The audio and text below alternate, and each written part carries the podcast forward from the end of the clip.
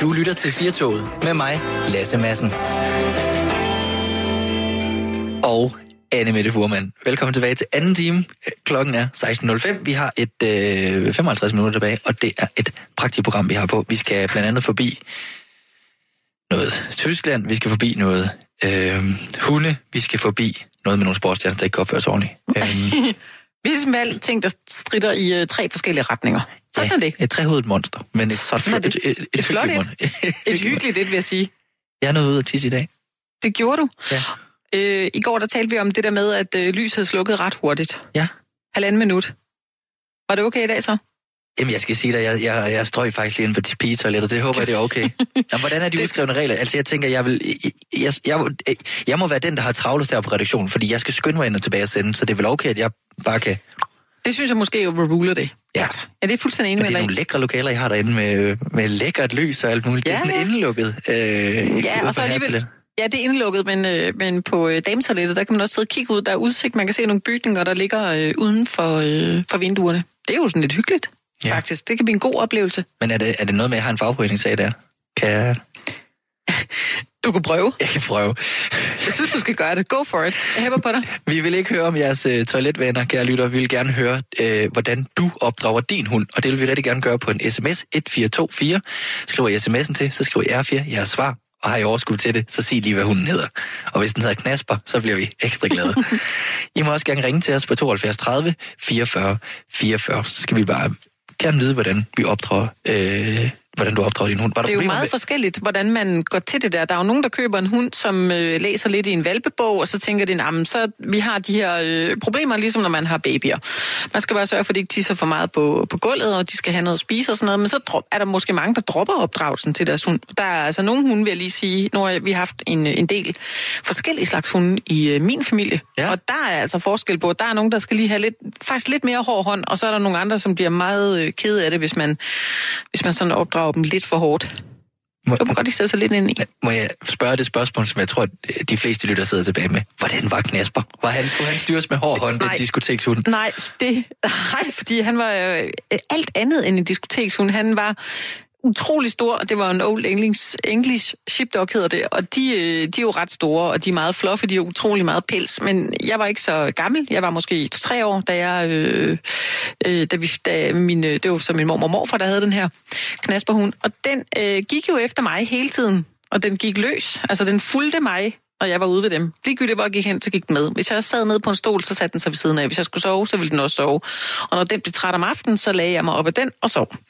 Ja. Så jeg synes, det var min, øh, min bedste ven, Mm. da jeg var meget lille. Så du kan godt følge dig, når folk siger, at det er menneskets bedste ven. Ja. Men hvad er det så for nogle hunde, I har opdraget mere på end andre? Hvad var grunden til, at der ligesom skulle... Var det nogle ballade med? Var det sådan noget med tisse på gulvet og pølle Nej, det var ikke på den måde. Det, min moster onkel havde på et tidspunkt en, øh, en rottweiler.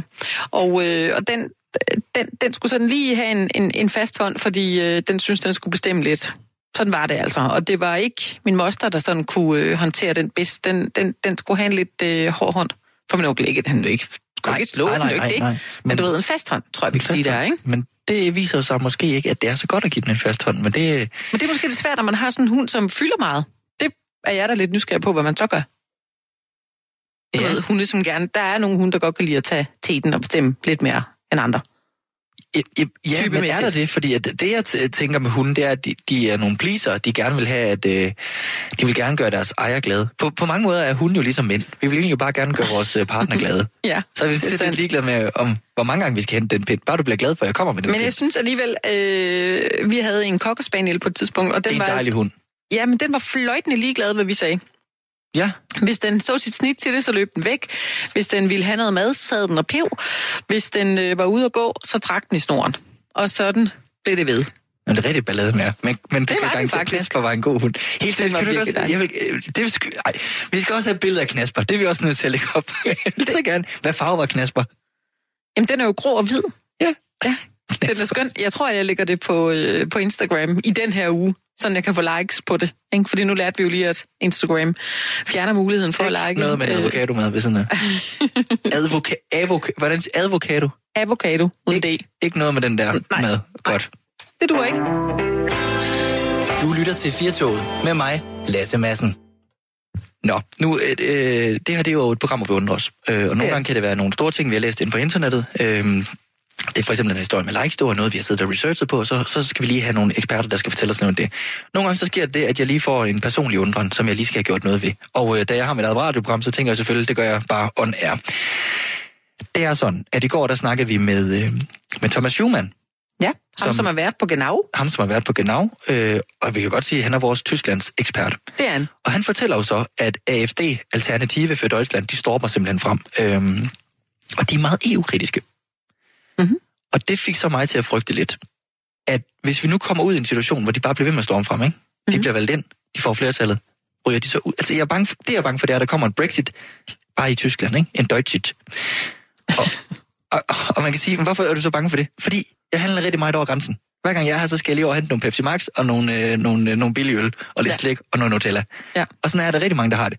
Så jeg frygter lidt. Jeg ved godt, det er et tankeeksperiment. Det er meget vis og vis. Men i det her hus på Radio 4, der har vi ufattelig mange kloge hoveder. Og øh, omkring sådan noget med EU, der har vi jo øh, vores egen husven, vores egen EU-ekspert. Det er, det er dig, Mads Nyborg Anneberg. Du er vært på Lobbyland. Hej. Hej og velkommen til. Tak. Mads, øh, det er jo lidt øh, sådan meget øh, vis og vis, øh, det her, men, men jeg frygter oprigtigt det her med, øh, med grænse, grænsehandel. Hvis nu, nu forestiller vi os, at EU, at Tyskland, de simpelthen melder sig ud af EU. Mads, hvad sker der med vores grænsehandel? Jeg må lige indskyde, at øh, hvis, hvis man skal ud af EU, så, så har man jo fundet ud af, at så skal man have et godt navn, ligesom Brexit. Ja. Og der skal man godt være lige skal arbejde lidt med det der, du sagde, Deutschit. Deutschit. Deutschit. Det ved jeg ikke, om det, om det fanger. Hvad vil du så? German? Ja, Brexit? Jeg ved det ikke. Hvad med at er kalde dem? Hvad med Jinxit? det kunne også være. Jeg, jeg har glemt dit spørgsmål. Altså, hvad var det, du sagde? Undskyld. Ja, Men, kære Mads, vores EU-ekspert, jeg kommer jo til dig i min nød, for jeg er bange for min grænsehandel. Ja. Tyskland, det er scenarie. Tyskland melder sig ud af EU. De har fundet på et fedt navn. De melder sig ud af EU. Hvad sker der med den grænsehandel? Ja, hvad, det er jo udover, at... Øh, altså, først og fremmest så vil jeg sige, at Tyskland det er jo Danmarks største eksportmarked by, by far, så det kan være, at vi alle sammen bliver arbejdsløse øh, og ikke har råd til at, til at køre til grænsen alligevel. Men lad nu lidt ligge. I forhold til øh, selve grænsehandlen, jamen, så kommer der jo til at ske det, at øh, øh, først og fremmest så de øh, danske varer, som du finder nede i grænsehandlen, de vil blive dyre for, for de tyske øh, butikker og for over grænsen, hvis, hvis vi siger, at de for eksempel ryger ud af 12-unionen. Ikke? Øh, og på den anden side, så kan du så sige, når du kører dig ned øh, til et ikke- ikke-EU-land, så må du faktisk kun have meget, meget lidt med tilbage. Så må du have to rammer øh, øl med og en liter spiritus. Så man kan sige allerede der, så Det, bliver, så det der mange, der hvor bliver ked af, tror jeg. Hvor man ikke lige følger, fylder, en, øh, fylder en træner op. Det er simpelthen slut, hvis Tyskland, altså i det her tankeeksperiment, melder sig ud af EU. det er fuldstændig slut. Og som du siger, så får det jo... Nu, hvis vi lægger alt det her med, det er vores største handelspartner, men kun fokuserer på grænsehandel, de danske bryggerier, øh, Flækgaard, alle de der butikker, der ligesom har en, øh, en, en, daglig, øh, en daglig forretning i grænselandet, det bliver fuldstændig på grund af de her 12 ting. Fuldstændig væk. Ja. Nu er det her jo, øh, altså, det er jo et tankeeksperiment, og AFD, de, øh, de stormer frem i Tyskland. Øhm, men hvis jeg lige skal, du ved, øh, nu er jo alt det her med Brexit, og det har i den grad været noget, hvis man skal sige det på jysk, det har været noget bøvl, Mads. Kan man ikke godt sige det? Det kan man godt sige. Kan AFD, det kan du ikke svare på, men er der, kan de ikke blive sådan lidt bekymret over, at det åbenbart ikke er så lige til som muligt? Har det skræmt andre lande, at Brexit har vist sig at være så, hvad skal man sige, bøvlet, som, som det har? Jeg tror, at at anti-EU-partier i hele Europa, øh, både i Tyskland og i Danmark og i alle mulige andre lande, har, har, har kigget på den proces og tænkt, hold da op, det var godt nok noget bøvl, som, som du siger, Ja. og, og er blevet skræmt godt og grundigt væk i, i, i nogle tilfælde fra overhovedet og, og, og ville bøvle med det. Øhm, så, så, så ja, det, det, det tror jeg da helt sikkert. Så kan du jo sige, at processen med Brexit har vist vejen for, hvordan man ville kunne gøre det, hvis, hvis det var. Men igen, så må man understrege, at det har taget enormt lang tid, og, og det var slet ikke så, så fedt, som der måske var lagt op til i Vote Leave-kampagnen tilbage i 2015. Så spørgsmålet er, hvor mange, der har lyst til at kopiere den proces. Jamen, så siger du netop også, at der er måske også nogen, der har... Altså, det er jo altid, det er altid sværest at være de første, ikke? Øh, men, men er der også sådan... Er der nogen... Er det blevet nemmere? Altså, man kan sige, at man skal ikke gøre det. Man skal måske mere gøre det. Er det fordi, man, det, man skal have en klar plan, hvis man skal melde sig ud? Hvis Tyskland skulle melde sig ud, så skulle de have en klar plan. Det er det her, vi vil. I stedet så det ikke bliver så bøvlet og langtrukken. Ja, det er klart. Altså, det er jo det, som, øh, som britterne har brilleret i. Det er jo ikke at have nogen øh, klar plan for lige præcis, hvordan de gerne vil, øh, vil ud af EU. Øh, så man kan sige, hvis man, hvis man drager lektion derfra og siger, okay, men det er jo lige præcis det her, vi gerne vil. Altså, vi vil gerne have samme vilkår som Norge, eller vi vil gerne have samme vilkår som, som, øh, som Storbritannien, når, når, når de træder ud, jamen så kan man jo kopiere det sådan nogenlunde en til en, øh, i stedet for at skulle til at, at genopfinde øh, sit eget forhold til EU. Og så lige her, altså det her med grænsehandel. Nu snakker vi jo, det er jo et tankeeksperiment. Tyskland og EU, altså mellem os, Mads, og mellem lytterne. De kommer aldrig til at melde sig ud af EU. Det kommer de til? aldrig, aldrig, aldrig til at ske. Jeg tror, resten af EU falder fra før Tyskland. Altså, så, så de bare står tilbage ligesom, som værende EU. Altså, det er simpelthen fuldstændig utænkeligt. Det, altså, at alt det her alternativ for Deutschland og Storm frem, alt muligt, det, kan vi, det kommer aldrig nogensinde til at ske. Og jeg kan sige, at hvis man tænker, det er jo nu, det var Mads, han er jo sådan en, han, han har et EU-program, han er garanteret glad for EU, men Thomas mm. Schumann, der er vores Tyskland-ekspert her, der har genau på Radio 4, han siger også, prøv at læse, det kommer aldrig, aldrig nogensinde til at ske, at Tyskland melder sig ud af EU. Men øh, nu, nu nævner du selv øh, EU-programmet, som vi har. Det, Jamen, det var da det. Det Ja, lige du præcis. og, øh, Du kommer sendt- ikke, ud, øh, kommer ikke herind, medmindre du får noget. Så Nej, lige du får præcis. noget, Mads. Sidst jeg var herinde, Lasse, der glemte jeg jo helt at sige, at øh, vi jo meget gerne vil høre fra jer lyttere til vores EU-program, som bliver sendt hver onsdag mellem 1 og 2 øh, om eftermiddagen. Og øh, det vil vi gerne på adressen lobbyland radio4.dk. Ja. Og vi vil gerne høre alt. Altså, vi vil gerne høre, hvis der er nogle, øh, nogle, nogle EU-regler, som folk er utilfredse med derude, eller hvis I har nogle kommentarer til dels vores program, eller dels EU i det hele taget. Altså, der, der er frit slag. Ja. Det er fordi, nu har jeg holdt mig meget lyttende i den her snak, jeg har haft. Men jeg har lyst til at lige blande mig en lille bitte smule. Er det okay, hvis man også øh, stiller dumme spørgsmål? Altså, hvis man virkelig gerne vil blive klogere, så samler man sammen i løbet af ugen, og så kan man ellers øh, sende 10 spørgsmål afsted. Øh, Jeg vil nærmest opfordre til, at man stiller dumme spørgsmål. Ja, altså, ikke? fordi, jo, lige præcis. Altså, der er ikke Så nogen... du- Og, og jeg skal sige, jeg har jo lagt, i sidste uge, da du var inde, jeg har lagt standarden meget lavt. Så hvis, altså jeg tænker, at, at sige noget, der er mere intelligent end mig, det er ikke så svært. Så man skal bare fyre løs. Det kan man jo prøve i hvert fald. Ja. Så ingen spørgsmål er for dumme, fordi i sådan en snak her, så kan man jo måske godt komme til at føle sig sådan lidt for uvidende. Jamen, det er jo klart, altså, det, er jo, det, er jo, sig. det, er jo, det er jo et stort øh, system i EU, og, og, og der er jo mange, og jeg har blandt mig selv, som jo aldrig får, får styr på hele øh, på processen dernede i, i, i Bruxelles. Ikke? Men du Øh, arbejder med det. Ja, du jo, arbejder det er med det. Ja, det. det, Altså, det, og, og, det er jo klart, altså, så der er ingen forudsætninger, man skal, man skal have på plads for, for at spørge om noget. Øhm, og dit program, øh, Lobbyland, jeres program, du har det jo sammen med Tine Toft, som, øh, som også øh, er medvært på det. Vi har ikke, det har ikke lykkedes at få hende ind. Vi er også glade for dig, Mads, men det er også rart at se en, en Tine en gang imellem. Men vi har, ikke, vi skal godt nok få hende ind en dag. Det hedder jo Lobbyland, fordi I, øh, I, I prøver ligesom at sælge Danmark, altså det som Danmarks ageren i EU. Er det ikke, er det ikke korrekt forstået, at øh, så kigger I nærmere på danske interesser i EU, eller hvad skal vi Jo, jo, lige ja. præcis. Og vi prøver ligesom at skubbe på nogle sager, hvis vi synes, at, øh, det har et værdigt formål, ikke? Og, og, bare sådan generelt prøve at kigge den danske regering lidt i korten. Hvad, hvad, hvad, hvad er det, vi, vi egentlig laver altså, øh, i, i systemet? Hvad, hvad er det, vi gerne vil have? Ja. Øh, Mads, tusind tak, fordi du gad at med til det her lille hyggelige eksperiment. Næste gang, der er noget med EU, så, så øh, hiver jeg det også ind igen. Og ellers kan man bare lytte til Lobbyland fra 1 til 2 hver onsdag og sende en, en mail. Hvor var det, man skulle sende en mail hen, Mads? Til lobbyland-radio4.dk. Man kan selvfølgelig også sende en sms på, øh, på 1424, er det ikke det der? Jo, 1424. Hvor man starter med R4, og så mellemrum, og så din EU-spørgsmål. Ja, men nu skal du ikke forvirre vores lytter, for vi er lige i gang med at snakke med hund. har, du selv, har du selv hund, Mads? Øh, nej, det har jeg desværre ikke. Men jeg, jeg vil lige, virkelig hvis du har en, lad være med at råbe af den, for de bliver stresset. Okay, Godt. det er modtaget. Lover du mig det? Ja, det lover jeg. Mads, tak fordi du kiggede. Tusind Hils, tak. hils Tine og siger, at jeg gerne vil se hende. Ja, det kunne du tro, jeg gør. Godt, hej.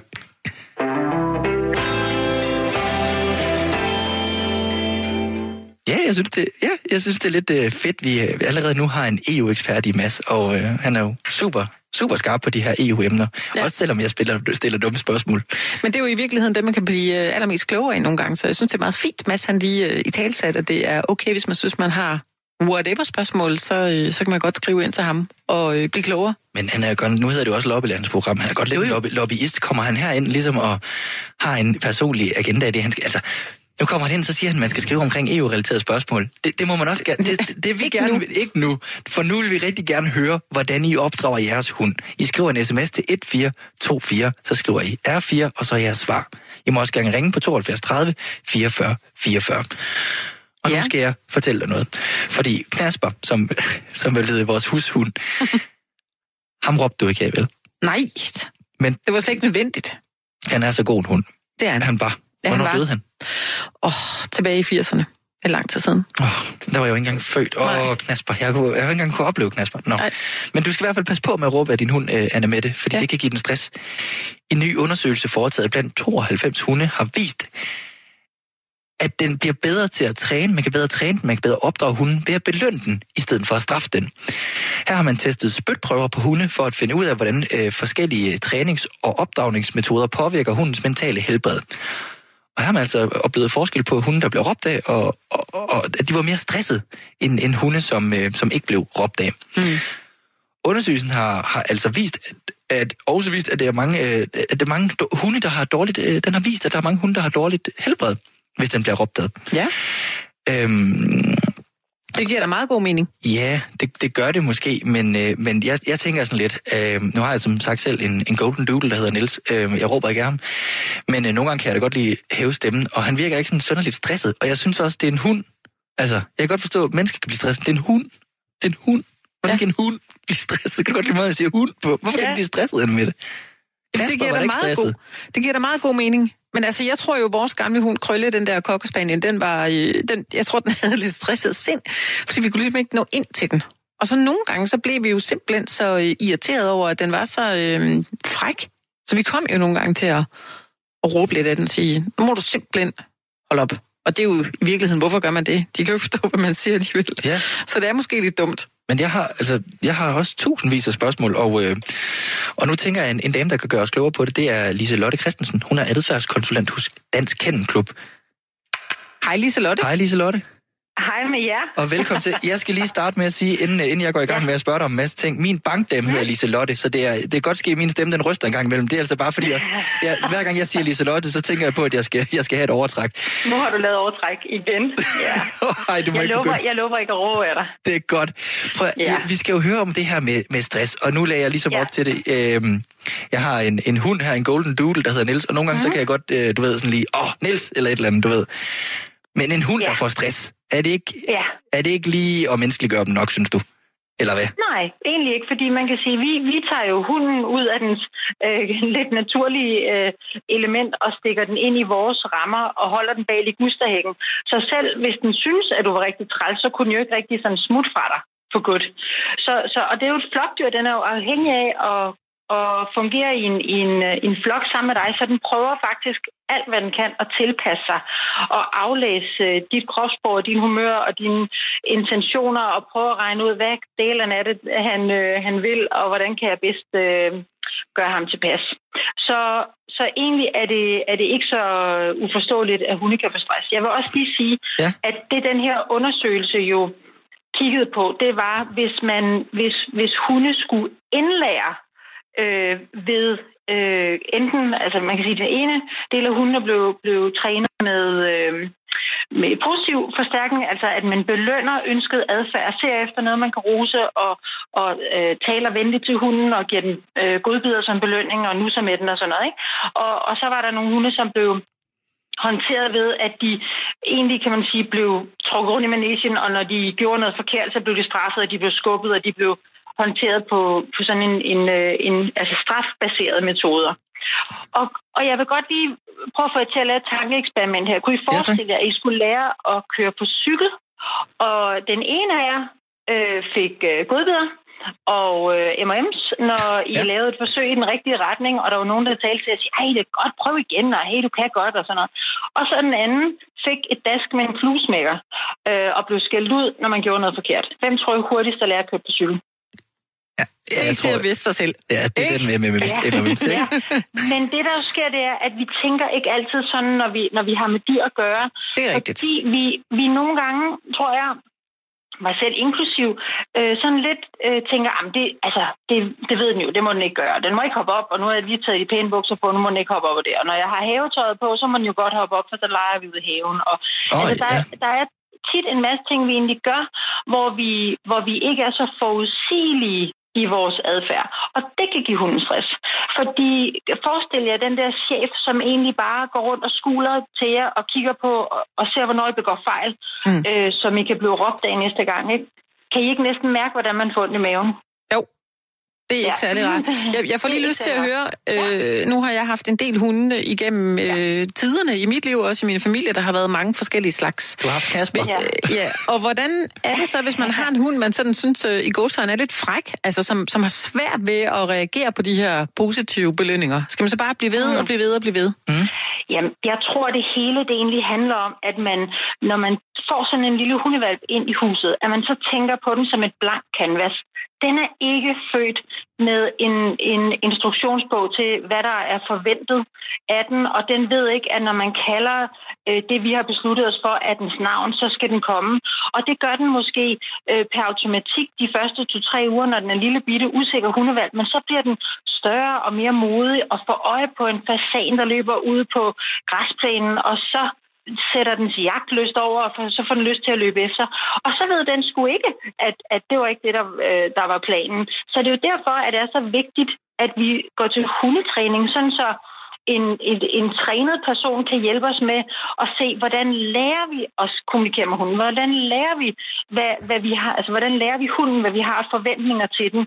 Øhm, det er jo ikke, hunden er jo ikke født med viden om, at den ikke må trække i snoren, eller øh, gø, når der kommer øh, forbipasserende ude ved, ved vejen og sådan noget. Ikke? Så det er jo i virkeligheden, at, at der bliver lavet sådan en brobygning. Så når vi så siger det der med, at den er lidt fræk, så tillægger vi jo faktisk hunden nogle menneskelige egenskaber. Fordi den er jo ikke fræk, når den gør af, at der kommer nogen øh, ude ved havelån. Det er et flokdyr, som passer på dens revir, så den siger, hey, der kommer fandme nogen her.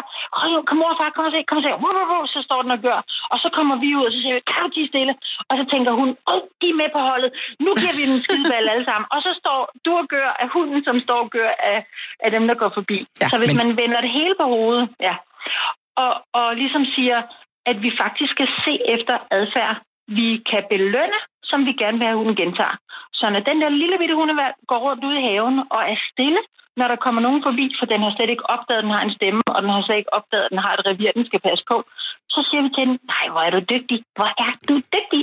Er du ikke gør dem der, der kommer derude, de er flinke. Jeg har, jeg har lige og to... så lærer hunden, så lærer hunden at være stille, når der går nogen forbi. Jeg ja. har lige to ting, Liselotte. Øh, du snakker mm. om, så giver man hunden nogle menneskelige træk. Øh, jeg synes jo også, det er at give en hund, som jeg sagde, menneskelige træk og sige, at den har stress. Er det ikke det? Nej, det er en fysiologisk mekanisme. Altså, der er ikke så meget der. Man kan måle stress på fisk, øh, og altså, det har ikke noget med menneskeliggørelse at gøre. Det okay. er en fysiologisk tilstand. Det er jo et forhøjet øh, kortisolniveau, eller forhøjet adrenalinniveau, som over længere tid øh, bliver det her negative, øh, altså kedelige øh, forhøjet kortisol, ja. som, som har en skadelig effekt, fordi man kroppen hele tiden er i beredskab. Okay. Og jeg er rigtig glad for, at du faktisk spurgte om det, fordi det har intet med menneskeliggørelse at gøre. Altså stress er en, en, en fysiologisk mekanisme, som, som øh, faktisk alle levende væsener jo kan udsættes for, fordi det, det øh, appellerer til vores, kan man sige, overlevelse og trivsel og, og, og det hele nede i vores øh, krybdyrhjerne, at, at alt det der, det starter op. Så der er, der er, der adskiller vi os ikke så meget fra, fra dyrene der. Nej. Den anden ting, jeg tænkte på, øhm, det var det her med hele tiden at, øh, at huske, hvad man har lært i træning og at ved træne. Jeg har som sagt en golden doodle, og, øh, mm. og ja, det er min kæreste, øh, faktisk min forlovede nu, og tak for det, Liselotte. Hun, øh, hun, øh, hun har trænet den rigtig godt. Hun Liselotte, eller er det Bankrød gjorde noget helt forvirret? Nej, det var min kæreste hedder Ane. Det var noget at gøre. det var bare mig, der fortælle, ja. jeg forlod. Jeg kan så godt lide at sige det. Men ja, vi har, godt, med tak skal du Vi har den der golden doodle, og hun har trænet den øh, rigtig godt. Øh, men ja. nogle gange, så når vi går, øh, jeg bor i Sydhavn i København, så når vi går, det er en trafikeret vej. Så nogle gange så trækker ja. min uh, Niels, så trækker han i snoren. Og ja. så er jeg jo bange for, at han går ud foran en bil eller cyklist, eller hvad det nu kunne være. Og så helt på ja. automatik, når man er bange, så råber bare, Niels, du ved. Ja. Det, så nogle gange er, er, det, er du svært sådan under, under sådan nogle paniksituationer, der er du ikke ja, ja. altid lige let at holde ja. det der. Og, og han reagerer ja. jo på det. Men det her, det er jo heller ikke, det, det er jo, og det er et fint eksempel. Og, og øh, jeg har lige øh, været i en situation, hvor, hvor jeg står, og, og der er to af mine hunde, som er på vej ud efter netop en af de der famøse øh, fasaner, der lige pludselig galopperer afsted. Og der råber jeg jo også, boy! Ja. Øh, og lige snart de så stopper, så råber jeg jo her, og så råber, lyner jeg en jubelidiot, der står der og er glad. Ja. Så I må lige forstå, det undersøgelsen påviser, det er, at indlæring ved hjælp af strafbaserede metoder, det giver stress. Og hvis man er typen hundeejer-typen, som ligesom går og, og skuler efter sin hund, og sådan skælder den ud for, nu tækker den og skælder ud for at gø ved dåen, og skælder den ud for at trække snoren, og skælder, skælder den ud for alt muligt, så får den stress. Men hvis man laver en blanding af, at man al indlæring, altså når du lærer hunden at gå i snor, at den så ikke, altså du belønner den for ikke at trække, du finder de situationer, du kan den for at belønne den for, så vil den jo tilstræbe at gøre det. Ja. Og når den så en gang imellem i fri dressur lige springer ud i enden af linjen, for der er en kat eller sådan et eller andet, Ja. så er, der jo, så er det jo en anden situation, at man der ligesom lige laver en, en grænsesætning for hunden og siger, ej, det må du ikke. Og når den så stopper med at gøre det, at man så roser den, det, kan, det felt kan hunden godt navigere i. Det er ikke sort-hvidt, at uha, så må vi aldrig mere sige føj til vores hund. Altså, hvis min hund stikker snotten ned i, i øh, køkkenskraldespanden, så ved den, det ved den, altså de har været omkring den her skraldespand så mange gange, så når jeg er der, så rører de den ikke. Hvis jeg så lige er ude i bryggerset, og der er noget, der er meget spændende i toppen af skraldespanden, så kan de jo godt finde på alligevel at stikke hovedet hen. Og det øjeblik, jeg så viser mig og siger nej, så springer de tilbage, for de ved, åh, oh, de vidste godt, den Ah, der, den var ikke det er god. super det var dejligt en at høre. adfærd. Ja, det er også super dejligt at høre sådan en, altså som dig, adfærdskonsulent i Dansk Jo, jo. Kennelklub, også nogle gange kommer til at, Ja. at snakke lidt højt til sin hund. Det er jo ligesom, man får at vide, at pædagogen også råber sine egne børn. Det er jo dejligt. Ja, men jeg synes jo, men her Lise Lotte, der- mening, der er lige kommet en, øh. Ja. Der er lige kommet en sms fra en lytter, der hedder Rasmus, der har en hund, der hedder Dina. Det er en Labrador. Og det er en Mhm. valp, som, øh, eller da den var valp, tømte spisebordet for alt om natten. Den øh, gik Ja. i tøj og blade og børnelegetøj og så videre. Ja. Og så havde øh, Rasmus set, at man kunne stille sådan nogle små robrødstern frem med leverpostej, hvor der var, så var, øh, var chili på. Og så Ja. prøvede han det. Så åd den det Ja. hele, fordi den ligesom bare slugte maden og ikke rigtig smagte på den. Så prøvede Ja. han med tre hele mader med chili, og så spiste mm. den to og lød den sidste stå. Så det viser sig jo Ja. måske også nogle gange, der kan man godt som menneske være lidt snu over for sin hund. Ja, men nu har jeg bare lige en ting at sige. Det er med tavligt, og jeg håber, at han, der er nogen, der kommer chili på hans M&M'sen dag, så han får synsket. Det der, det er desværre ikke en måde, hunden den lærer særlig godt på. Og jeg kan godt, det er sikkert skrevet med glimt i øjet og sådan noget. Tror Men det handler jo om, at en hundevalg, den er opportunistisk. Den tjekker ud, hvad er der spændende ting her. Og der er jo sikkert meget af det, der den godt må tage. Men hvis man nu lærer den, kan man sige, det her må du gerne røre, og at man så fjerner ting, som man ikke vil have, den går i, når man ikke kan se det. Fordi den har jo tydeligvis ryddet bordet, altså mens de har været uopmærksomme. Men når man så laver et lille setup, hvor man lægger noget, og når hunden så kigger på den, så siger man nej i et roligt tonefald, uden den skal have hverken chili eller tyndskid eller noget andet, og, og siger nej til den. Og når den så fjerner snuden fra, øh, fra det der, den ikke må tage, så giver man den en belønning af højere værdi. Så lærer hunden faktisk hurtigt, jeg må ikke røre det der, og ligesom den kan lære, at den må ikke trække snoren, den må ikke springe op, den må ikke gøre andre ting. Men altså, vi, det, er jo, det er jo lidt det samme, som hvis vi skulle lære, hvad for noget slik i slikskuffen, der var kedeligt, eller undskyld, ikke kedeligt, hvad der var off limits. Øh, vi prøver os frem, vi åbner skuffen, og så er der nogen, der har smurt øh, wasabi-creme mellem vores yndlingschokoladekiks. Ja, altså, det er, jo det er mega tarveligt. Ja, det skal ja, man det ikke. er Nej. tavligt. Nej, og det er ikke forudsigeligt.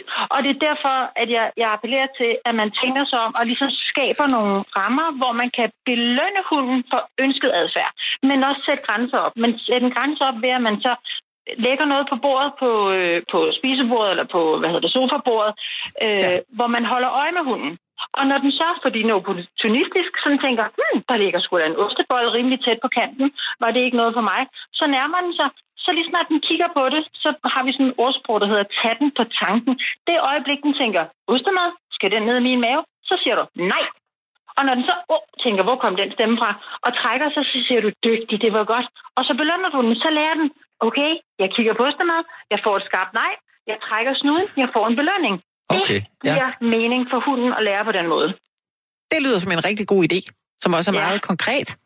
Ja, Jamen lige præcis. Og, og, øh, og jeg, bare lige her ved- vent, øh, til sidst her, vi, og, og tak for snakken. Øhm, det, det, det er i, som undersøgelsen viser her, det er i indlæring, man ikke skal råbe sin hund. Men en gang imellem tænker jeg, så er det vel okay lige, og også som man nogle gange også går for børn, lige er nødt til at sige, her til jeg ikke længere. Ja, ja, men det er jo, men det er jo, det er jo også fordi, du ikke, du lærer jo ikke dine børn øh, det der, hvis, du, hvis de skal begå sig i trafikken, Ja. så tager du dem jo ikke bare med ned på Jyllingevej, øh, hvor der er allermest, altså i den travleste periode, Nej. og så begynder at stå og råbe af dem. Så har I øvet det ude på nogle cykelstier, eller på et eller andet fredeligt område, så man ved, okay, du må cykle her, du må ikke cykle der, du skal stoppe, når du skal over vejen. Jo. Det er fuldstændig det samme, når du arbejder med hund. Du skal skabe nogle rammer og lave nogle mål og nogle delmål, som er nemme for dyret, barnet, kæresten, svigermor eller hvem det er, du træner, at forstå. Okay. Og så gør man det gradvist sværere. Og hvis de så er mod bedrevidende, altså jeg må ikke tage den ostemad, jeg tager chancen. Lige så snart hunden så har gebisset på den der ostemad, så kommer jeg da også brølende inden for køkkenet og siger, men så ved den godt, Ups, jeg tog chancen, og nu, var der, nu faldt der branden ned. Så det handler om indlæring, gør vi altid med belønningsbaserede metoder. Når de laver, kan man sige, grænseafprøvning af noget, vi har lært, så kan vi selvfølgelig godt tillade os at sige nej, fordi de, det er en forudsigelig adfærd fra vores side af. Lise Lotte, du skal have tusind tak, fordi du ringede ind, og så vil jeg bare sige helt personligt, var det dejligt at snakke med en Lise Lotte, hvor det var en behagelig samtale. Ved du jeg sender nogle M&M's, og det bliver uden chili. Det bliver sådan nogle rigtig rare nogen. Så må du tænke på gode tanker næste gang, du hører hundetræning og dansk kendelse. Tak skal du have. Det er godt. Hej, hej, hej Lise Lotte. Selv tak. Hej. Det var altså Lise Lotte, fra, øh, som er adfærdskonsulent hos Dansk Kennelklub. Ja. Øhm, telefonen bimler og bamler. Og vi har en, øh, en Lasse her på telefonen, der vil, øh, der vil fortælle lidt om... Øh, han, jeg har fået skrevet øh, rasenavnet, men, men på hunden. Jeg kan simpelthen ikke udtale det, så jeg tænker... Det kan, det, det, kan du det? Mm, det er en pomerang. En hvad? Pomerang. Okay, ja. Ja. Jeg tænker i hvert fald lige, vi, øh, vi siger hej til, øh, til Lasse her. Hej Lasse. Det hedder en pomeranian. Undskyld. Lasse, lige, Pomerang, det er sådan noget, man putter på julekager. ja. Ah, Lasse bare, lige, bare lige hurtigt. Øh, hvor ringer du fra? Jeg ringer fra Kolding. Fra Kolding. Og din hund er en, undskyld, en, po, En pomeranian. en Pomeranian. pomeranian. Og hvad, hvad, hvad hedder En hunden? smukke små rævehund øh, Åh, ja. øh, med spidse ører og det hele. Det er en Nå. spidshund. Hvad hedder den? fantastisk lille græb. Den hedder Bali. Nå, hvor sødt. Jeg kan forstå, at du har en, øh, en historie omkring noget opdragelse af, af, lille Bali. Ja, fordi det var jo noget en udfordring for mig. Jeg var med, da den blev født og det hele, og jeg har aldrig haft hund i hele mit liv. Øhm, og det lille kræ, der, da den var 6 uger gammel, kunne jeg godt se, det var en af de kloge ud af de fem. Ja. Så jeg sad med den, og så sagde jeg, hvis de ikke kan finde ud af det, så kommer jeg og henter dig. Det gjorde jeg så 11 måneder efter, fordi at den var misrygtet, og de kunne slet ikke finde ud af, at det er, det er en vanskelig hunderace. Altså, de, de er meget nævnyttige, og de er meget personlige, og de er meget kloge. Og Ja. så er de stedige som en i helvede. Okay. Og hvis du putter sådan en hundetype, du skal ikke bare afviske eller afskrive alle mulige andre hunderaser, det er jo slet ikke det. Selvfølgelig er jeg vild med min hund. Jeg er jo blevet hundemand. Ja, det er da dejligt. det har jeg aldrig troet, fordi jeg er meget konservativ med sådan noget. Nogle gange har jeg sagt, folk så afliv dog lortet. Altså, Ej, nej, nej. nej. Ja, jamen, det har været sådan, jeg førhen har tænkt, at det er mest med hunden, der er bidt mennesker og så videre, ikke? Ja. Ja. Og hvad gjorde du så, Lasse? Ja. Øh, Det var, ja, altså, hun var misrygtet. Hun kunne ikke finde ud af en skid. Hun har aldrig lært at gå i snor. Hun vidste ikke, hvor hun skulle skide og pisse. Un- Undskyld mit sprog. ja det, det går lige. Besørge sig hedder det vist nok. Øhm, og, og, og de venner, jeg har, som, som har haft hunde hele livet, de sagde, det der, det bliver altså noget af en opgave. Men fuldstændig ligesom Lise Lotte lige sagde, det er noget med at belønne hunden hele tiden. Ja. Altså belønne den for det, der, der er positivt, som den gør. Altså for eksempel det der med at besørge sig. Jeg bor i, i, øh, i en lejlighed. Vi har en lille græsplæne ude bag i, og altså den første måned nærmest, hun kunne ikke finde ud af, hvor skulle hun gøre det henne. Så det kom jo bare, når det kom. Mm. Og jeg spurgte jo alle mulige til råd, hvis du kunne fange hunden i det. altså, den vejer 4 kilo, 3,9 faktisk. Det går hurtigt. Nå, ja. Så det var bare at prøve at tage hende ud. Tage hende ud, tage hende ud. Og så var det faktisk min daværende kæreste, som kom ind og med hænderne over hovedet. Hun skide udenfor, mand. Hallo. Og, og, og så rose hunden for det, og nu gør hun det jo ikke mere. Ah, det hænder. Det gør det altid med de der små tæppetisser, ikke? Øh, men, men, men at vise den kærligheden hele tiden. Altså vise, at... Øh, fordi det vigtige, det vigtige med alt det her, ja. hundeopdragelse, det er egentlig et lidt underligt begreb. Liselotte var også inde over det. Det handler jo om, at jeg putter hunden ind i en menneskes verden. Mm. Og det skal den begå sig i. Det Ja. er det, opdragelsen handler om. Og det kan, jo, det, det kan jo kun lade sig gøre, i hvert fald i min verden, ved at, at, at, at, at belønne hunden for, og så acceptere, at det er et flokdyr, som Liselotte også sagde. Ja. Altså simpelthen vise den, at det, det er den her vej, vi går. Ikke? Og så jo. lave et samarbejde. Og samarbejdet er i meget høj grad at vise hunden kærlighed. Og det er også, og jeg tager en halv time hver eneste aften. Det er sådan. Det gjorde jeg siden jeg, jeg fik hende for to år siden. Lasse, Du skal, vi kunne blive ved med at snakke os to, Lasse. Øh, vores to navnebrødre her. Jeg vil bare lige sige tusind tak, for du ringede ind og fortalte os om uh, Lille Bali. Giver du give en kys men, på snuden for jeg, os? har- Jeg har, jeg har også været grov over for hunden og råbt af den. Men nu har Det du opdraget med kærlighed. Nu har du opdraget med havde hun kærlighed. jo aldrig kunne komme derhen. Hun har aldrig kunne komme derhen. Men vil du ikke give, uh, give Bali et kys fra, fra mig, Anne Mette? Og så tak, fordi du ringede ind. Selv tak. Hej, hej. Godt. Jeg lytter med. Hej, hej. Så, nu skal vi ikke snakke mere om hunde. Du lytter til Firtoget med mig, Lasse Madsen. Vi skal dog snakke om mennesker og disciplin. Det handler ikke om hunde, men øh, unge mennesker og disciplin og unge sportsmennesker. Fordi det viser sig nemlig, at den engelske fodboldspiller, der hedder... Nu skal jeg se, om jeg kan udtale det rigtigt. Raheem Sterling. Raheem Sterling. Yes. Han er ikke længere i spil til øh, Englands kamp mod Montenegro på torsdag. Og det skyldes uro i øh, klubben, og det har jo fået til at undre os en lille bitte smule, da vi talte om det i dag. Hvorfor øh, kendte unge sportsfolk har sådan en lille bitte smule svært ved at, øh, at opføre sig ordentligt. Ja, der er det simpelthen disciplinære måske- problemer, ja. Ja, der er måske lidt, og der øh, er jeg jo 20 år ældre end dig, og der har jeg sådan tænkt tilbage og tænkt, mm, hvordan var fodboldspiller dengang, øh, altså på 20 år siden? Der synes jeg måske, man så mere sådan noget ilt og temperament på banen. Men man hørte ikke For eksempel, øh, nu kan jeg jo en Preben Elkær. Det er en af mine øh, yndlingsanekdoter. Der, Jo. Ja. Men han var da også vild uden for banen og kunne godt drikke lidt og ryge en smøg. Og... Jo, men det, det var ikke sådan en tendens, synes jeg. Jeg synes måske mere, man Nej, så det det, på banen. ja. Jeg synes ikke, der var så meget, øh, når de ligesom kom af græsset. Så øh, kan det godt være, der var et par stykker, men altså, det var da ikke sådan noget, der trak øh, vildt mange spisesedler. Dengang. Nej. Synes du det? Jamen, jeg kan ikke, jeg kan ikke rigtig ved huske det det, jo men jeg ikke. tænker, nu tænker jeg bare, at der var måske også en Maradona, øh, der Ja, ja, også ja. var lidt vild. Øh, Ja. ja. men, men ja, nu er det mere en, en ting, som Det man det. siger. Og derfor så øh, er vi nødt til at ringe til en voksen. Ikke? Fordi vi skal lige have styr på, hvad gør man så, hvis, øh, hvis man lige vil være lidt klogere på det her. For det- Og det vil vi jo rigtig gerne. Og derfor så har vi øh, kontaktet Thomas Danielsen, der er coach. Han er sportscoach. Og han må vide noget om det her. Hej Thomas. Hej. Hej. Hvor er du med fra? Jeg er fra Spanien. Ja, dejligt. En, øh, Hola. en, øh, en lille by, der hedder Barcelona. Det lyder simpelthen så skønt. Jeg er Real Madrid-fan. Jeg holder mig lige lidt i baggrunden her. Ja, men jeg er sgu heller ikke så begejstret for Barcelona, så det er okay. Thomas, øh, hvorfor tror du, at kendte unge sportsfolk de har så svært ved at opføre sig ordentligt? Jamen, jeg ved faktisk ikke om, om sådan rent procentuelt, om det er flere unge sportsfolk, der er svært ved at opføre sig ordentligt, end det er, hvad skal vi sige, øh, almindelige unge. Men der er jo meget, meget større opmærksomhed på, øh, på, større, på hvad er det, unge sportsfolk i dag, end, end der var før i tiden. Mm. Øhm, og derudover så sker der jo også nogle gange nogle ting med folk, når de lige pludselig får en masse penge mellem hænderne.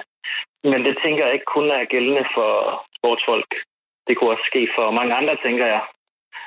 Øhm, altså, folk, der lige pludselig vinder penge i lotto, eller et andet eksempel, jeg kom på, det var for eksempel, hvis man øh, i mange, mange år har fået at vide, at øh, man ikke må spise slik, og så lige pludselig bliver sluppet fri i en slikbutik, så kan det også være, at man har haft lidt svært ved at styre det lige de første par timer. Ja, men Øhm, der er jo altså flere historier fra fodboldens verden, og det handler blandt andet om, at øh, de her store unge fodboldspillere, som ikke øh, rigtig vil høre efter, hvad deres træner siger, hvad, hvad tror du, det skyldes? Ja, nu hørte jeg jo, at I snakkede lidt om Raheem Sterling, for eksempel, Ja. og hans den her sag, der var med øh, ham og Joe Gomez. Ja, Og øhm, altså, lige præcis den sag, det tænker jeg lidt, at det sådan er en, øh, en reprimande fra landsholdets øh, træner, Gary Southgate, derovre, som lige skulle øh, sætte sig igennem på en eller anden måde og vise, at det gør i år, den opførsel. Hvad, de er Jeg tror, det der sker, det er, at de kommer op. Ja. Jamen, jamen de, bliver uvenner i weekenden der, at uh, Manchester City spiller mod Liverpool. Der har de jo sådan en lille episode sidst i kampen. Ja. Og øh, det, der efter sine skulle have sket, det er så, at Joe Gomez, han i kantinen i landsholdslejren, det er, at de hånd til Raheem- Sterling, der øh, vender han sig så og, og tager sådan en form for kvælertag og sådan en halsgreb om Joe Gomez. Så det er jo selvfølgelig ikke i orden. Nej, Og det er det jo ikke på nogen arbejdspladser. Ej, det må man Øh. sige. Det er en dårlig idé. så stop lige. ja. og, og, men, men altså efterfølgende, så, øhm, hvad er det, så synes de jo, at han skal have en eller anden reprimande, og der giver de ham så karantæne fra øh, den her kamp mod Montenegro på torsdag. Ja. Øhm, jeg vil så sige, at, at, at, at jeg kan godt lidt være en, en smule i tvivl om, det var sket, hvis det var EM-finalen, om de har håndteret det på samme måde. Nu skal de spille mod øh, Montenegro, som snart har tre point og ligger næst sidst i puljen. Øhm, så jeg tror, det er meget for at statuere et eller andet eksempel ud af det, fordi der jo nok har været lidt mange sager, synes de over i England, omkring det her landshold. Nu fik jeg lige nævnt før, fordi jeg øh, er lidt ældre end, end, end Lasse, at jeg synes, jeg oplevede dengang, at fodboldspillere, de meget kendte fodboldspillere i 80'erne, de var ikke helt lige så, øh, så besværlige. Så nævnte Lasse lige øh, Premelka, kunne godt være lidt små ilter, men det jeg ligesom kom ind på, det var det der med, at jeg synes, man så temperamentet måske mere på banen, altså på græsset, når de var inde og spille, men man hørte ikke så mange øh, skandalehistorier, når de, øh, når de var færdige. Hvad, hvad oplever Nej, du? Jamen, jeg kan da også huske en George Best, som fortæller, at øh, jeg brugte alle mine penge på alkohol, damer og hurtige biler, og resten høslede jeg væk. altså, så jeg, tror, da også dengang, at der måske var lidt, øh, lidt man godt kunne have taget ja, nogle Der billeder. var af der også en Maradona, ikke? man Mar- Maradona, der også var vild. Jo, jeg tror, da, jeg, jeg tror da heller ikke, han har levet det bedste liv, som jeg siger på den måde. Nej. Øhm, altså, hvis noget, så tror jeg faktisk måske, at man opfører sig en smule bedre i dag, fordi man er meget opmærksom på, at man skal ikke træde ret meget ved siden af, så kan der stå nogen med kamera og så videre. Mm, Men det er jo også ret hurtigt at få adgang til alle mulige billeder fra nattelivet i dag, fordi at der er så stor opmærksomhed på de unge mennesker. Ja, nu er du jo Øhm. sportscoach og har en, øh, en del unge mennesker, som du coacher. Hvad oplever du hos dem i dag? Er de mere presset end tidligere? Er der sådan flere penge på spil? Og... Jamen, Jamen, det ved du jo godt, Anna Mette, de opfører sig ordentligt, dem der er Ja, det ved jeg. Det er ikke noget værd. men, men nej, men der er jo. Jamen, jeg ved ikke, om der er større pres end før, men der er jo selvfølgelig pres, og der er ingen tvivl om, der er kommet mange flere penge i spil. Øhm, så, så men, men om det er derfor, vi hører nogle ting, det, det, det ved jeg ikke. Men selvfølgelig, øh, som ung menneske, hvis man lige pludselig øh, får mange penge mellem hænderne, og hvis man, øh, som de godt kan gøre, for eksempel Raheem Sterling, eller hvis du henter nogle spillere op fra, øh, fra Afrika og så videre, som kommer fra andre kår, så, så kan der selvfølgelig godt ske nogle mærkelige ting, hvis man lige pludselig har råd til... Men hvad oplever du hos dem, du har i din folk? Er de Ja. meget seriøse? Ja, det synes jeg. Mm. Det synes jeg. Og det siger jeg ikke bare fordi, men altså, det der med, hvis man sådan en, en, en ung alder også vælger at ansætte sådan en som mig, det synes jeg også vidner om seriøsitet jo. Ja. Øh, man ikke først venter til det er gået galt. Så man kan sige, at, at, at der, er jo også, der er jo også et eller andet der, kan man sige. Ja. Øhm, så de er meget seriøse, dem som jeg har. Men jeg er meget i sportens verden, når man ser ting og sager. Det, der- det er der ikke nogen tvivl om. Men jeg tror bare ikke, at det er værre end i så mange andre miljøer. Nej, ja, altså jeg, jeg kom til at, til at tænke på, at øh, vi har jo for eksempel øh, i Danmark har vi jo Niklas Bentner, øh, der ja. i den grad har lavet nogle, der har skaret ud, som man siger. øh, men jeg kommer til at tænke på, nu snakker vi om det her med, altså folk, der bliver lige aldrig har slags, øh, smagt slik før, der lige pludselig bliver sluppet løs. Der er vel, øh, altså man kan jo sige, man skal jo være, være sit ansvar bevidst, men er det ikke også nogen? For jeg tænker som sådan, sådan nogle unge mennesker på 19-20 år, der lige pludselig har, jamen jeg ved ikke, hvor mange penge til at købe biler for, og ja. så kører de måske lidt stærkt. Jeg skal være ærlig, hvis jeg havde, da jeg fik kørekort som 18-årig, der kunne jeg låne min fars Passat. Den kunne måske køre 140 på motorvejen, så var det også det. Hvis jeg kunne køre 250 i en Bentley som 18-årig, ved du hvad er det med det? Så har du gjort det. Så havde jeg gjort det, det havde jeg, Thomas. Så er der ikke også nogen, der skal passe på de her unge mænd, siger jeg som 25-årig, men er der ikke det? Jo, det, det vil jeg så give dig helt ret i. Og der, er det jo, der synes jeg også, det er klubbernes ansvar selvfølgelig til en vis grad, at man har nogle rollemodeller i klubberne, som kan hjælpe dem. Øhm, eller man får andre rådgiver på banen ret hurtigt, som kan hjælpe dem med at, og, og hvad man nu, hvordan man nu skal opføre sig, Ja. når man lige pludselig kommer i mediernes søgelys, og man får nogle penge mellem hænderne. Det lyder som om, man lige skulle skrue op for coach-delen mange steder. Ja, Egentlig. Ja, det, det synes jeg, der lyder som en rigtig, rigtig god idé. Nå, ja, ja. På den måde. Du kunne have i et online. rådgiverdel. ja, ej, eller i hvert fald rådgiverdelen, ikke også? Det er jo klart, men det synes jeg nu også, jeg ser, at der er rigtig mange dygtige rådgivere rundt omkring. Øh, men selvfølgelig er det også brødende kar der jo, ikke også? Og det er mange penge, vi har med at gøre, så selvfølgelig er det en, øh, det er en attraktiv verden at være i for mange mennesker, også nogle gange de forkerte. Men, men er, det, er, er, er det der med, at du, nu du siger, at man kan se det rundt i flere, at klubberne har mere fokus på det, er, er det fordi, der har været så meget? Fordi, at, som vi siger, det er jo en... Nu har vi jo Niklas Benden herhjemme, et godt eksempel, men man kan jo også, der er jo Nicky Bille, der er jo... Altså i Danmark, man kan jo komme med rigtig mange eksempler på nogen, der skærer ud. Er det fordi, at, at det er ved at gribe om sig? Øh, det ved jeg ikke. Jeg tror bare, at det har fået mere opmærksomhed, som jeg så inde på. Og, øhm, Men måske netop derfor, har Fået, måske netop Måske derfor er det vigtigt. Jeg siger, måske netop derfor er det meget, meget vigtigt, at man lige tænker lidt mere over det. Ja, helt sikkert, helt sikkert. Men jeg synes også, at man ser i, øh, i nogle af de klubber, hvor jeg ligesom har været, at, at, at der er nogle ældre spillere, der er rigtig dygtige til at rådgive de unge. Ja. Og, øhm, og, og hvad hedder det? Og det tror jeg måske i virkeligheden er den bedste form for mentor, man kan få. Mm. Det er en, som selv har været i det, og som man måske på nogle områder ser op til. For det, når du siger det, der tænker jeg jo også, altså man kan jo læse mange ting og gøre sig mange kloge på i bøger, men sådan noget med at have spillet på et landshold, og have spillet for en fodboldklub med fans og alt det pres og medier, der er jo tusind mennesker, der har en holdning til dig, det må også være mega hårdt, og der er jo ikke nogen, der ved det bedre, end dem, der selv har prøvet det. Nej, lige præcis. Øhm, og det er også derfor, at øh, når jeg sådan en gang imellem er i nogle klubber, så har vi da nogle gange arbejdet med at sætte sådan nogle mentorkorps op, op hvor, hvor en ung spiller kan få vejledning af en øh, ældre spiller, som han måske ser op til. For der er ingen tvivl om, hans øh, ord de vejer tungere, end ja, mine vil gøre, for eksempel. Ja. Så den der mentorordning vil være rigtig, rigtig god, faktisk. Ja, det tænker jeg da. Specielt hvis den unge så er modtagelig over for de råd, der, der kommer, men det er jo ikke sikkert. Nej, for det, det synes jeg nemlig også lidt interessant at snakke om, øhm, når vi snakker om de her disciplinære problemer. Øhm, nu kan jeg jo kun snakke fodbold, fordi det er ligesom det, jeg ved i hvert fald mere om end, end håndbold for eksempel. Og, øh, og der har man jo tit hørt historier om, at der er nogen i klubben, der er lidt sådan nogle konger, specielt øh, unge fodboldspillere, der måske er blevet rykket op fra et U21-klubhold, og lige pludselig kommer på A-holdet, og så nægter de at... Altså, så hører de ikke sådan lige efter, fordi de er jo vant til at komme fra 21 U21-klubholdet, og der har de måske været sådan nogle små stjerner, og lige pludselig så er der bare mange andre om budet og være den største i klubben. Øhm, hvor, er, det også nogle eksempler med, at man simpelthen har et altså, decideret disciplinært problem med, at de ikke hører efter, hvad en træner siger? Øhm, det, er jo, det er jo klart, at hvis man siden man har spillet øh, U11-fodbold eller U9-fodbold, og hvornår man startede, og man har været klart den bedste, og det måske har været sådan, at man lidt har kunne gøre, hvad der passede en, fordi man har vundet kampe til de fodbold, man har spillet på. Men så kan det måske nogle gange være en omvæltning, og så komme op og så måske være klart den dårligste, og lige pludselig skulle vende sig til, at nu skal man faktisk lytte efter, hvad træneren siger. Ja. Det kan da godt være en stor omvæltning for nogen. Øhm, men der er også mange, der klarer den overgang godt, så jeg ved ikke, om man kan sige, at det er en generel ting. Nej. Men, men, men jeg tænker, at selvfølgelig kan det være en stor omvæltning for nogen. Men der synes jeg også, at de klubber, som har et fornuftigt miljø og et godt omklædningsrum, der er nogle af de ældre spillere, der nok skal hjælpe dem med at, at rette ind. Ja, selvfølgelig, det går Der er lidt rangorden der. Ja. Ja, det er der. Og det tænker jeg også, at den er til det bedste. Og nu tænker jeg jo, Thomas, nu vender jeg den lige om. Nu har vi ligesom prøvet, hvorfor, kan de, hvorfor opfører de sig ikke ordentligt? Hvad er det, der sker? Men nu vender jeg den også lige om, fordi at helt ærligt, så er det også lidt fedt med sådan nogle konger i klubben, og nogen, der er sådan lidt ekstravagante, og nogen, der du, altså nogen, der har deres talent, talent og, og, og holder på det. Jeg synes jo, jeg er det skal ikke være nogen hemmelighed, snakker vi Real Madrid. Jeg blev ked af det, Cristiano Ronaldo, han, han flyttede til Juventus.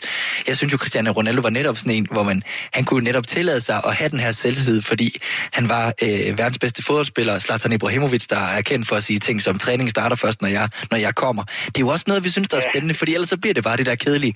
Hvordan var kampen i dag? Jamen, øh, vi spiller alle sammen godt for holdet, og jeg synes, vi kommer godt. Det bliver også lidt pænt og lidt poleret. Øh, så det er jo også fedt, når der er nogen, der skejer lidt ud. Ikke nødvendigvis kører spritkørsel eller hvad det er, men også har, tør vise, at de har en attitude. Er det ikke også noget, man skal kunne, når man har med medier at gøre? Så, altså, så gider vi jo ikke høre på det der standard. Det, vi spillede godt i dag, Thomas. Er det ikke rigtigt?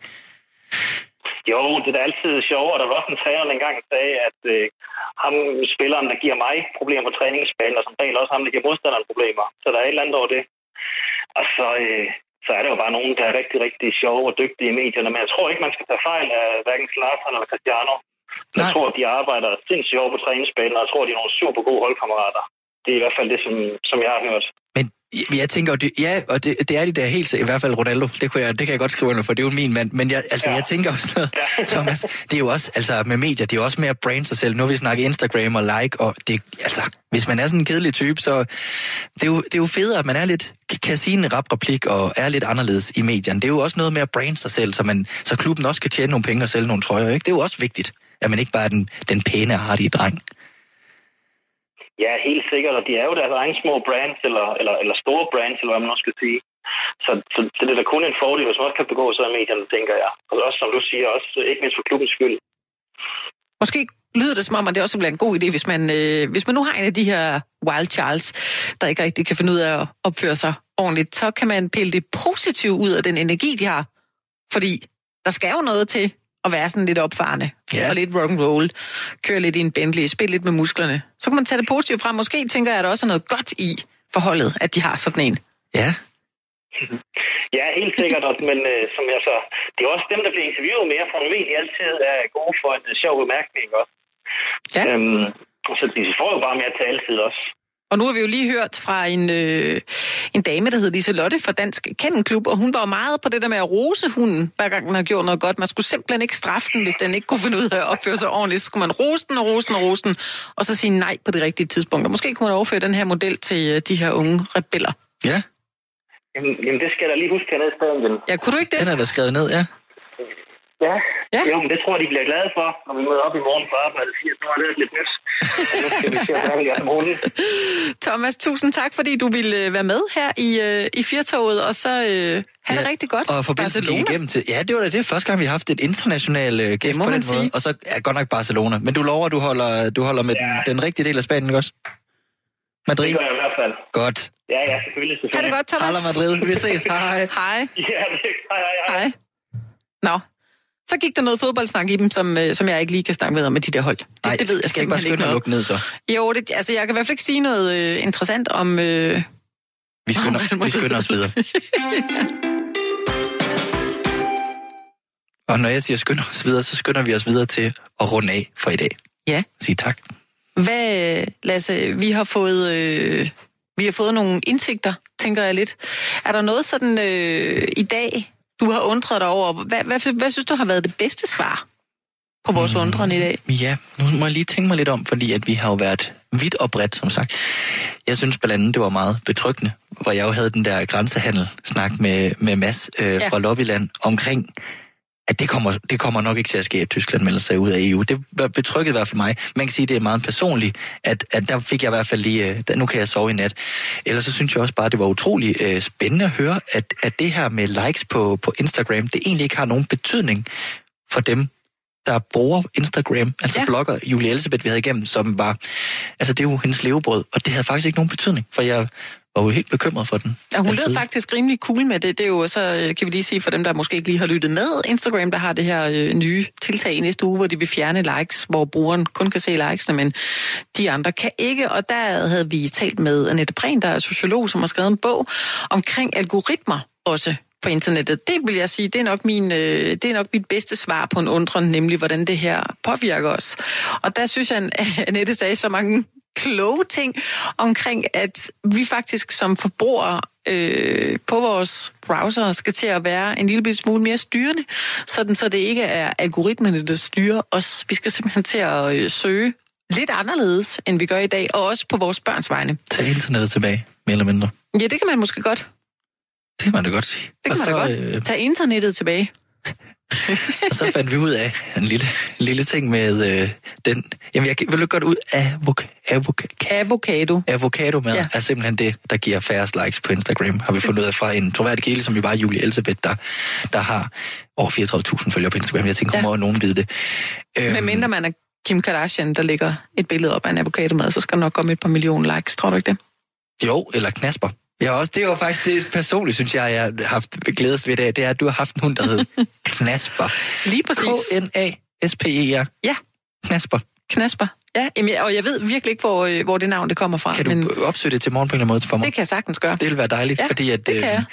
nu har vi øh, Niels forhåbentlig mange år nu, vores Golden Doodle, men hvis vi skal have en til, skal han hedde Knasper. Skal være 100 procent? En hund, der hedder Knasper. Ja, dejligt navn, ikke? Jamen, det synes jeg det. Ja. Og der fandt vi ud af sammen med Lise Lotte, som var adfærdskonsulent øh, konsulent hos Dansk Kennelklub, at man skal simpelthen rose, rose, rose, rose, rose, rose, rose, rose ja. hunden.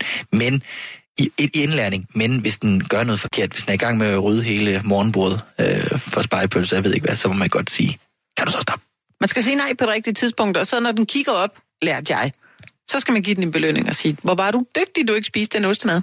Mm det, det er da rigtigt. Det er da en god ting.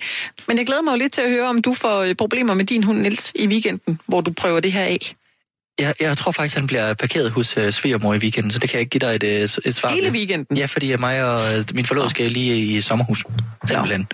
Så må du prøve at øh, forfølge det på et andet tidspunkt. Men han kommer hjem i aften. Forresten, øh, Niels, jeg skal være sammen med Niels i aften. Nå, det er så dejligt. Hun, øh, min øh, kæreste kommer ind med firtoget. apropos. Sådan. Ja. Yes. Så, øh, så det kan vi da, det vil jeg da godt lige give en, øh, det vil jeg godt lige sige, hvordan det er spændt af øh, i morgen. Og så vil Ja. jeg gerne have, at du overfor mig og lytteren bekræfter, at vi lige får tre minutters historie i morgen, hvorfor Knasper hedder Knasper. Lige præcis. Eller hed Knasper, for han er jo desværre ikke længere. Nej, og jeg lover også at lægge billede. diskoteket. Eksisterer heller ikke mere, og det var også en god historie, men jeg lægger billeder på Instagram, og så må vi jo se, hvor mange likes det får, fordi jeg vil gerne lige nå det.